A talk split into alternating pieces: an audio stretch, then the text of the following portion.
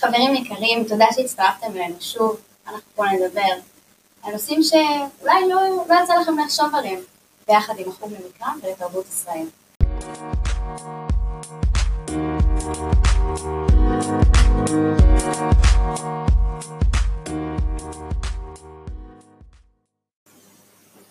אילון, למה בחרת להביא לנו דווקא את הסיפור הזה? תראה, קודם כל אה, זה סיפור מדהים, אנחנו מדברים על פרשת ויגש, על, ה, על הנאום של יהודה מול יוסף. אה, זה בעצם שיא של אה, קורס שאני מלמד במשך כל הסמסטר הזה, שהוא דן ב, ב, ביחסים בין יוסף ל, לאחים שלו, ו, וזהו, ופה יש את השיא. אז אני רוצה רגע להיזכר במה שקרה לנו לפני כן, יוסף הוא הבן המועדף. והוא נמכר לעבדות, או נמכר, נמכר למצרים, ו, אה, ואחרי עשרים שנה מתחיל, האחים מגיעים אליו, והוא עושה להם כל מיני מעשים, יש כאלה שיגידו מניפולציות, אה, ושולח אותם עם האוכל אבל מסתיר להם את הכסף באמתחות שלהם, ואחרי זה הוא דורש שהם יחזירו איתם, יחזרו עם, אה, עם בנימין, הוא כולא את שמעון, הוא מנסה לכלוא את בנימין, ועכשיו כשהוא רוצה לכלוא את בנימין בגלל שבנימין כביכול גנב לו את גביע הכסף, עכשיו יהודה לוקח אחריות, הוא ניגש כמו גור אריה יהודה, הוא נכנס, אני לא יודע בדיוק איך הוא ניגש לנאום הזה, ו, ו, ועומד מול המשנה למלך מצרים, זאת אומרת מישהו שיש לו כוח כמו למלך מצרים. אז יהודה ניגש, יהודה ניגש אל, אל יוסף ואומר בי אדוני ומדבר אדוני ועבדך ואני רוצה לשאול אם, אם, אם הנאום הזה של, של יהודה שיש כאלה שיגידו שהוא ממש מלאכת מחשבת האם הוא מבטא חולשה או שהוא מבטא כוח? מה? מה קורה בנאום הזה? מה, מה הסאבטקסט שלו שכל פעם אה, מהדהד בתוכו? אני חושבת שיש כאן הרבה חולשה הוא מגיע לדיון הזה מול יוסף אחרי שכבר בנימין כביכול אה, נלקח, הם כבר, אה, כל האחים עמדו בסיטואציה לא נעימה מול יוסף שהאשימו אותם בגניבה והוא בא ממקום של חולשה, סוג של תחנונים, אני רואה כאן, הוא אומר, אני רוצה בעצם להיות העבד שלך, אבל הוא לא מציג את זה ישירות, הוא בעצם אומר, יש לנו אב זקן, וילד זקונים בבית, ואח שלנו מת, כי הרי הוא לא יודע שהוא עומד מול יוסף. יש כאן אה, עמדה מאוד אה, מקטינה את עצמו, לפחות בתחילת הנאום. אני חושבת שצריך להסתכל על, אה, על בעצם על האופן שבו הדמות פועלת. שהדמות של יהודה בעצם, אנחנו רואים שאחרי שהם מוצאים את הגביע אצל אה, בנימין, הם בעצם פותחים בסוג של מנהג אבלות, הם קוראים את הבגדים שלהם, ואנחנו בעצם אה, צריכים לחשוב מה מניע את יהודה, למה שיהודה בכלל ידבר ככה, וכל מה שעומד לנגד יהודה, ורואים את זה אחר כך, זה המחשבה על אבא שלו שנמצא בארץ כנען, שהוא עכשיו, הוא רואה את עצמו, הוא מדמיין את עצמו ברוחו שהוא הולך, והוא עכשיו צריך להגיד לאבא שלו, תקשיב, הגרוע מכל קרה, בנימין עכשיו במצרים, הוא יודע שהדבר הזה זה בעצם להרוג את אבא שלו.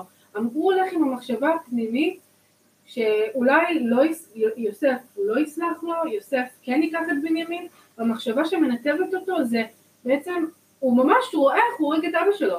זאת אומרת, הוא רואה את הדבר הזה, ואני חושבת שזה מעבר, זה אפילו יותר מתחנונים, זה אפילו יותר, מ, יותר מתחנונים, זה יותר מהכאב, זה גם מלווה כאן המון פחד, אמיתי, פחד אמיתי.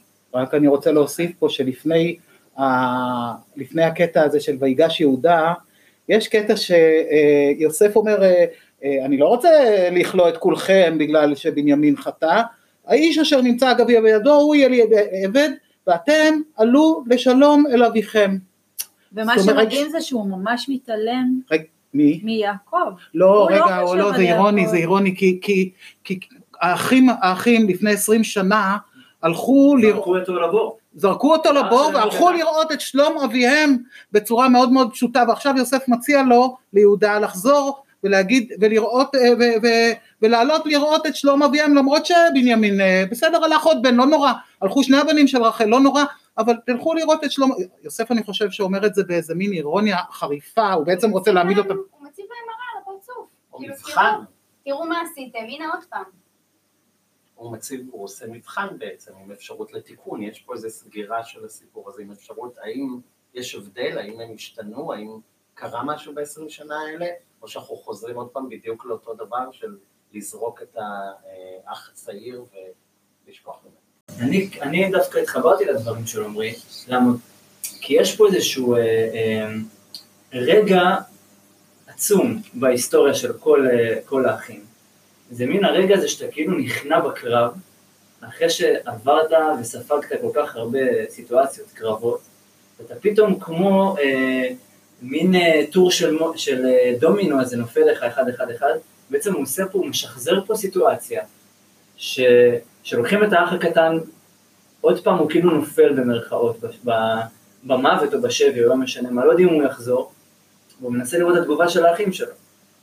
אה, אני בכלל חושב שיש פה בכלל, כל הסיפור של האחים הוא סוג של, נראה לי מקיצוניות למתינות. כלומר, אותם אחים שבמקרה הראשון רצחו אה, עיר שלמה בשביל אחותם, הם אותם אחים שאחר כך הלכו וזרקו את יוסף לבור, את האחים הקטן. כלומר, אותם אחים שנלחמו למען המשפחה, הם אותם אחים שם שנלחמו. למען, שהפקירו את האח הקטן שלהם, שזה סיבה מאוד מעניינת גם לימינו היום, כן, בצבא, האם אלה שטוענים לזרוק את כל העם הזה לים, או לא, האם הם גם פוגעים בתוך העם שלנו, זה גם שאלה רצינית שצריך לשאול אותה. והמתינות שמגיעה לפה לדעתי זה ממקרה למקרה הם נהיים יותר מתונים ויותר עם, עם שיקול דעת, כלומר פה, מתבגרים. בדיוק, בדיוק, אני חושב שזה העניין, אני חושב שיש פה ברגע הזה איזשהו סוג של הפנמה, של הבנה של כל מהלך החיים שלהם, ופה עומד אה, יהודה ותופס אחריות, לוקח אחריות, אה, כאח הבכור במשפחה, ומתקן בעצם במעשה המשוכפל הזה את, מה שהם עברו עד עכשיו. אני רוצה רגע ל... ל- מה, אפשר? אני רוצה אה, רגע לגבי האח הבכור במשפחה, יהודה הוא לא הבכור, הסדר הוא ראובן, שמעון, לוי, יהודה. נכון, אבל לא, אבל-. ברור, ברור, פה הוא אין ספק, הוא הבכור, הוא כאילו הזה, אבל, אבל אני שואל קצת מה קורה, מה קורה עם ראובן, שמעון ולוי, בסיטואציה הזאת הם עומדים שמה, ביניהם, אתה אומר שכאילו כל האחים, עשו אה, תיקון. לא, לא, כל האחים עשו תיקון, אבל, אבל אני שואל אם אין פה איזה שינוי במנהיגות, ומה קורה, מה קורה פה בין, בבכורה, בבכורה שבין, אה, שבין אבל אילון ראובן אף פעם לא היה באמת בכור. בוא, אנחנו יודעים, ראינו, ראינו שראובן, ראינו שראובן, כשהוא אמר להם לא לפגוע ביוסף, זה לא הזיז להם. זאת אומרת, כשהוא היה צריך לקחת אחריות, הוא לא לקח אחריות. אנחנו ראינו שכשאסרו את שמעון במצרים, אז גם היה שם כנגד עיניהם. הם אסרו את שמעון במצרים, והם הלכו, הם פשוט הלכו. זאת אומרת, מאוד קצר, הפסוקים שם קצרים מאוד, זורקים את שמעון לכלא והם הולכים, נוטשים, הולכים. אנחנו, גם אף אחד לא חזר לחפש אותו. לא היה שם מנהיגות, לא שם, לא היה שם שום אה, בכורה, שום בכור שלקח, אה, שדיבר. אנחנו, ראובן, אה, הוא אומר מילים קצרות. אנחנו לא שומעים בן אדם ורבלי. אנחנו רואים את יהודה כאדם מאוד ורבלי, הוא מספר את הסיפור הזה גם ליוסף פעם אחת, הוא מספר את הסיפור הזה שוב פעם לאבא שלו אחר כך, הוא מספר את הסיפור כמה פעמים, הוא חוזר, הוא חוזר, הוא ורבלי, הוא נמצא שם, הוא נוכח, הוא משתמש בפעלים של אני רואה, אני חווה, יש שם, הוא ממש נוכח, אנחנו רואים אותו כ, כמישהו שתובע, אני לא יודעת אם לקרוא לזה את הבכורה, אבל הוא תובע סוג של מנהיגות, אחריות, אחריות אישית, שלא דוגמה. מפקירה אנשים בשטח. אנחנו רואים את זה אחר כך בסיפור שלו, והאחים גם נותנים לו את זה. אחר כך בסיפור הולכים של תמר. נכון? אנחנו רואים את זה, אה, איכשהו הוא משאיר לה את ה... לא תמר. מטה ואת, כן, תמר, תמר, זה היה לפני. המטה והפתילים. רואים איך הוא משאיר לה את המטה, איך יש לו אחריות אחר כך אישית לקחת אחריות על הסיפור הזה, הוא בן אדם של אחריות אישית. אנחנו לא רואים פעם אחת אזכור שראובן לקח איזשהו משהו שהוא אחריות אישית. ומה עם שמעון ולוי? בפרשה אחר כך, פרשת ויחי שהיא סוגרת בעצם את הספר, רשום ששמעון ולוי כלי חמאס מכורותיהם. זה, זה הברכה שיעקב, הקללה, הקל- שהיא בעצם קללה, כן, שיעקב נותן, אה, בסודם אל תבוא נפשי, וקללה על אחד כבודי, כי בהפעם הרגו איש וברצונם הרגו שור. יקראו שור. אז, אה, אז אני חושב שזה ביטוי לזה, שאלת איפה אה, שמעון ולוי בכל הסיפור, אני חושב שהם יודעים רק כוח ו, ומלחמה כנראה. וזה באמת מתבטא גם בקללה של, אה, של אבא שלהם. כלומר, איך אומרים, ההורים מכירים את הילדים שלהם הכי טוב. אז אני חושב ש, ש, שפה זה באמת, אין להם פה את הקול ש, שהם מתאימים לו במרכאות. הקול הקיצוני יותר, הפרובוקטיבי יותר, האלים, האלים יותר. אני רוצה לפ... להדגיש את זה, ואני מודה שמה שאני הולך להגיד לא בדיוק כתוב בתנ"ך, אבל אני הולך עם מה שאתה אומר, עם הקללה של יעקב, ולפי דעתי היוזמים של הרצח או של יוסף, אלה השניים האלה, זה ברור לנו שזה לא ראובן ולא, ש... ולא יהודה, ראובן, כן, ראובן בעצם ניסה להציל אותו, הוא אמר להם חכו, ויצילם, כתוב, ויצילם... הוא רצה ללכת להציל אותם אחרי זה, אבל הוא רואה אחרי זה את הבור ריק, הוא, הוא לא היה בסיטואציה שמכרו, ויהודה אומר שימכרו, אבל לא השניים שלא מסופר עליהם זה שמעון ולוי, אני חושב, והם הבכורות, זאת אומרת הם שניים הבכורים, ואנחנו יודעים עליהם מפרשת שכם שהם רצחו עיר, זאת אומרת הם, הם, הם מהסוג הזה, לפי דעתי הם החזיקו את כל האחים, המנהיגות, דיברנו על המנהיגות, הם היו במנהיגות של כל האחים במשך עשרים שנה, הם החזיקו אותם כמו מאפיה, וסתמו את, את הפה לכל מי שהעז לצייץ, ועכשיו עם כל הטלטלות האלה שיוסף מטלטל אותם בעצם השלטון הזה של המאפיה שלהם משתחרר והמנהיגות של יהודה עולה בזכות הדבר הזה. האמת יוצאת לאור. האמת יוצאת לאור. או נכון. שאין להם מה לתרום לסיטואציה. כי באמת יש רגע שהכוח הזה הוא לא, הוא לא תורם לסיטואציה, ואז אין להם מה לתרום. זאת ההזדמנות של יהודה. שזה בכלל לדעתי גם שאלה של כוח, גם באופן מדיני, כן? איפה, איפה הדיפלומטיה לעומת הצבא? איפה ה... זה תמיד אה, כוחות שתמיד אה, צריכים ביחד, אבל הם תמיד מתכתבים אחד עם השני ולכל אחד יש את המקום שלו. האם אפשר לחשוב על הסיפור הזה גם כמבטא אידיאולוגיות בזמן העריכה שלו, בזמן, בזמן יותר מאוחרים, באמת להעלות את קרנו של יהודה, אה, שזה הממלכה בעצם שנשארה, זאת הממלכה שבזמן. רוצים לצייר את יהודה. כן. שם הדברים קורים, אז, אז באמת אפשר יותר ללכלך בקלטורי ישראל, אבל למה לוי באמת? לוי דווקא עם יהיה להם תפקיד מאוד חשוב במקדש אחרי זה, אז, אז למה, למה לא משה, אותו? משה ואהרון ומרים באים משבט לוי, זה נכון, אבל אין ספק ששמעון ולוי בשלב הזה יוצאים רע מאוד, אה, זה ברור. אבל אני חושב שזה גם חלק מהאירוניה של כל התנ"ך, שהוא תמיד מביא איזשהו חוק לפנים, לא יבוא המוני ו, אה, ומביא בקהל השם, ואז פתאום המשיח זה דוד המלך, זה דוד המלך שהוא כאילו, כאילו זה תמיד כזה חתרני, התנ"ך הוא תמיד מביא איזה משהו ואז סותר אותו איכשהו בדרך אחרת, שזה גם אה, יכול להיזרק לעניין הזה. אז פה אולי בהפוך, כן? שה, שאפילו הכוהנים, שיא הקדושה, בואו נזכור שאף אחד לא מושלם, וגם אצלם, אצלם בשורשים יש את האלימות הזאת אולי שרוכשת מתחת לפני השטח, את החוסר מושלמות הזאת שבין המעטפת הדקה של התרבות, של התפקיד, לבין הרגשות והמאוויים והרצונות והיצרים שרצים למטה.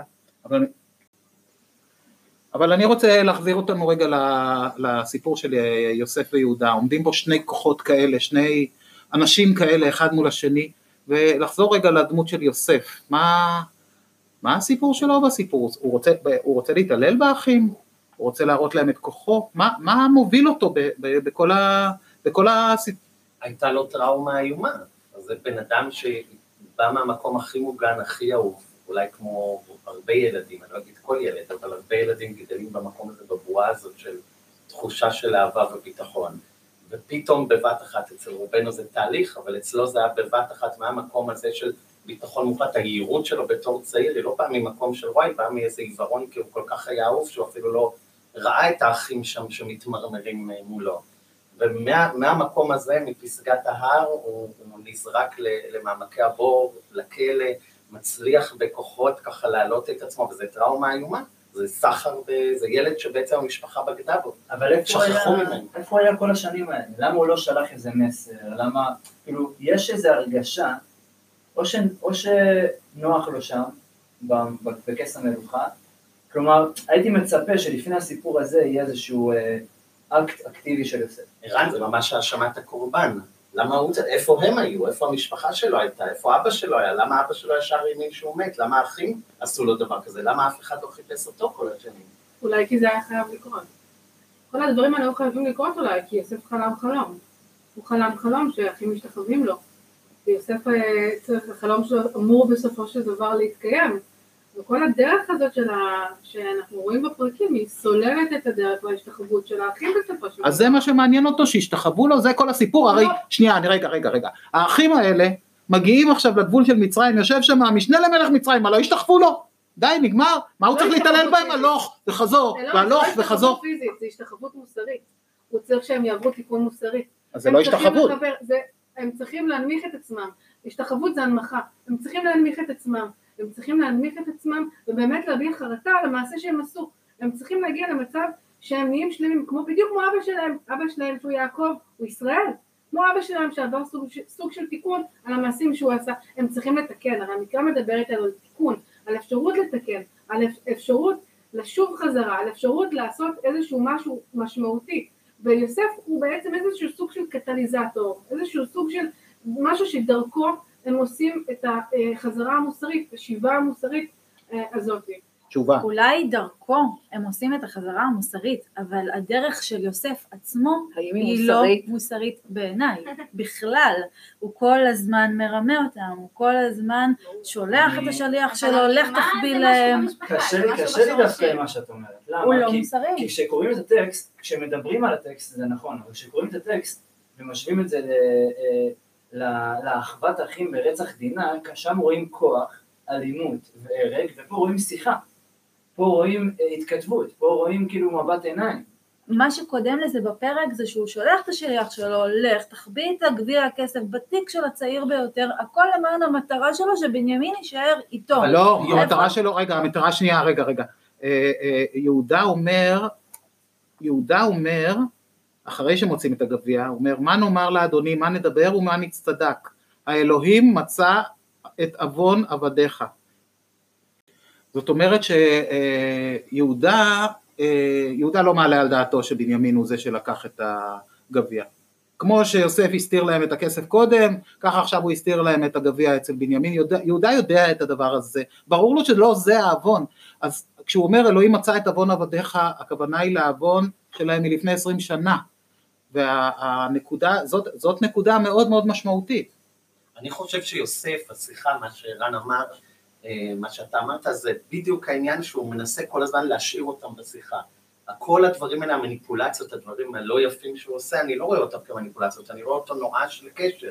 זה מישהו, שוב פעם, שנקרע מהמשפחה שלו, נוצר שם איזה קרע, להביא את המצב הזה של שיחה, של החיבוק שיש בסוף, יש פה סוף טוב ומרגש, להגיע לזה, הוא, צר... הוא מנסה בכל מיני דרכים של acting out, לייצר, להחזיר אותם אליו, לא לתת להם ללכת עוד פעם.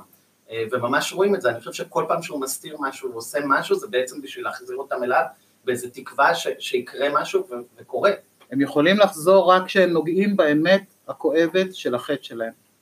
את זה הוא, הוא, נותן, הוא מאפשר להם לעשות את זה, זה ככה אני... ואת זה הוא גם צריך לשמוע. אני חושב שדרך הדיבור על, על בנימין, הוא שומע על עצמו, הוא שומע את התיקון על מה שהוא לא שמע, מה, איזה, מה שהיה החסך הזה, שהוא התהלך איתו עשרים שנה, אה, לשמוע פתאום את האח שלו מדבר בזכות הילד, שבעצם מה שלא דיברו בזכותו, אז הוא עכשיו יכול סוף סוף לשמוע.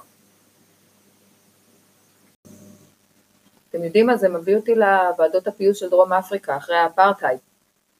שם עשו ועדות פיוס בין הלבנים והשחורים, שמלכתחילה הם נתנו חנינה. הם נתנו חנינה ללבנים ששלטו, אבל כל המטרה שלהם הייתה כדי שהשחורים יוכלו לשמוע שהלבנים לוקחים אחריות על מה שהם עשו, על העוולות שהם עשו, ומכירים באחריות שלהם למה שהם עשו.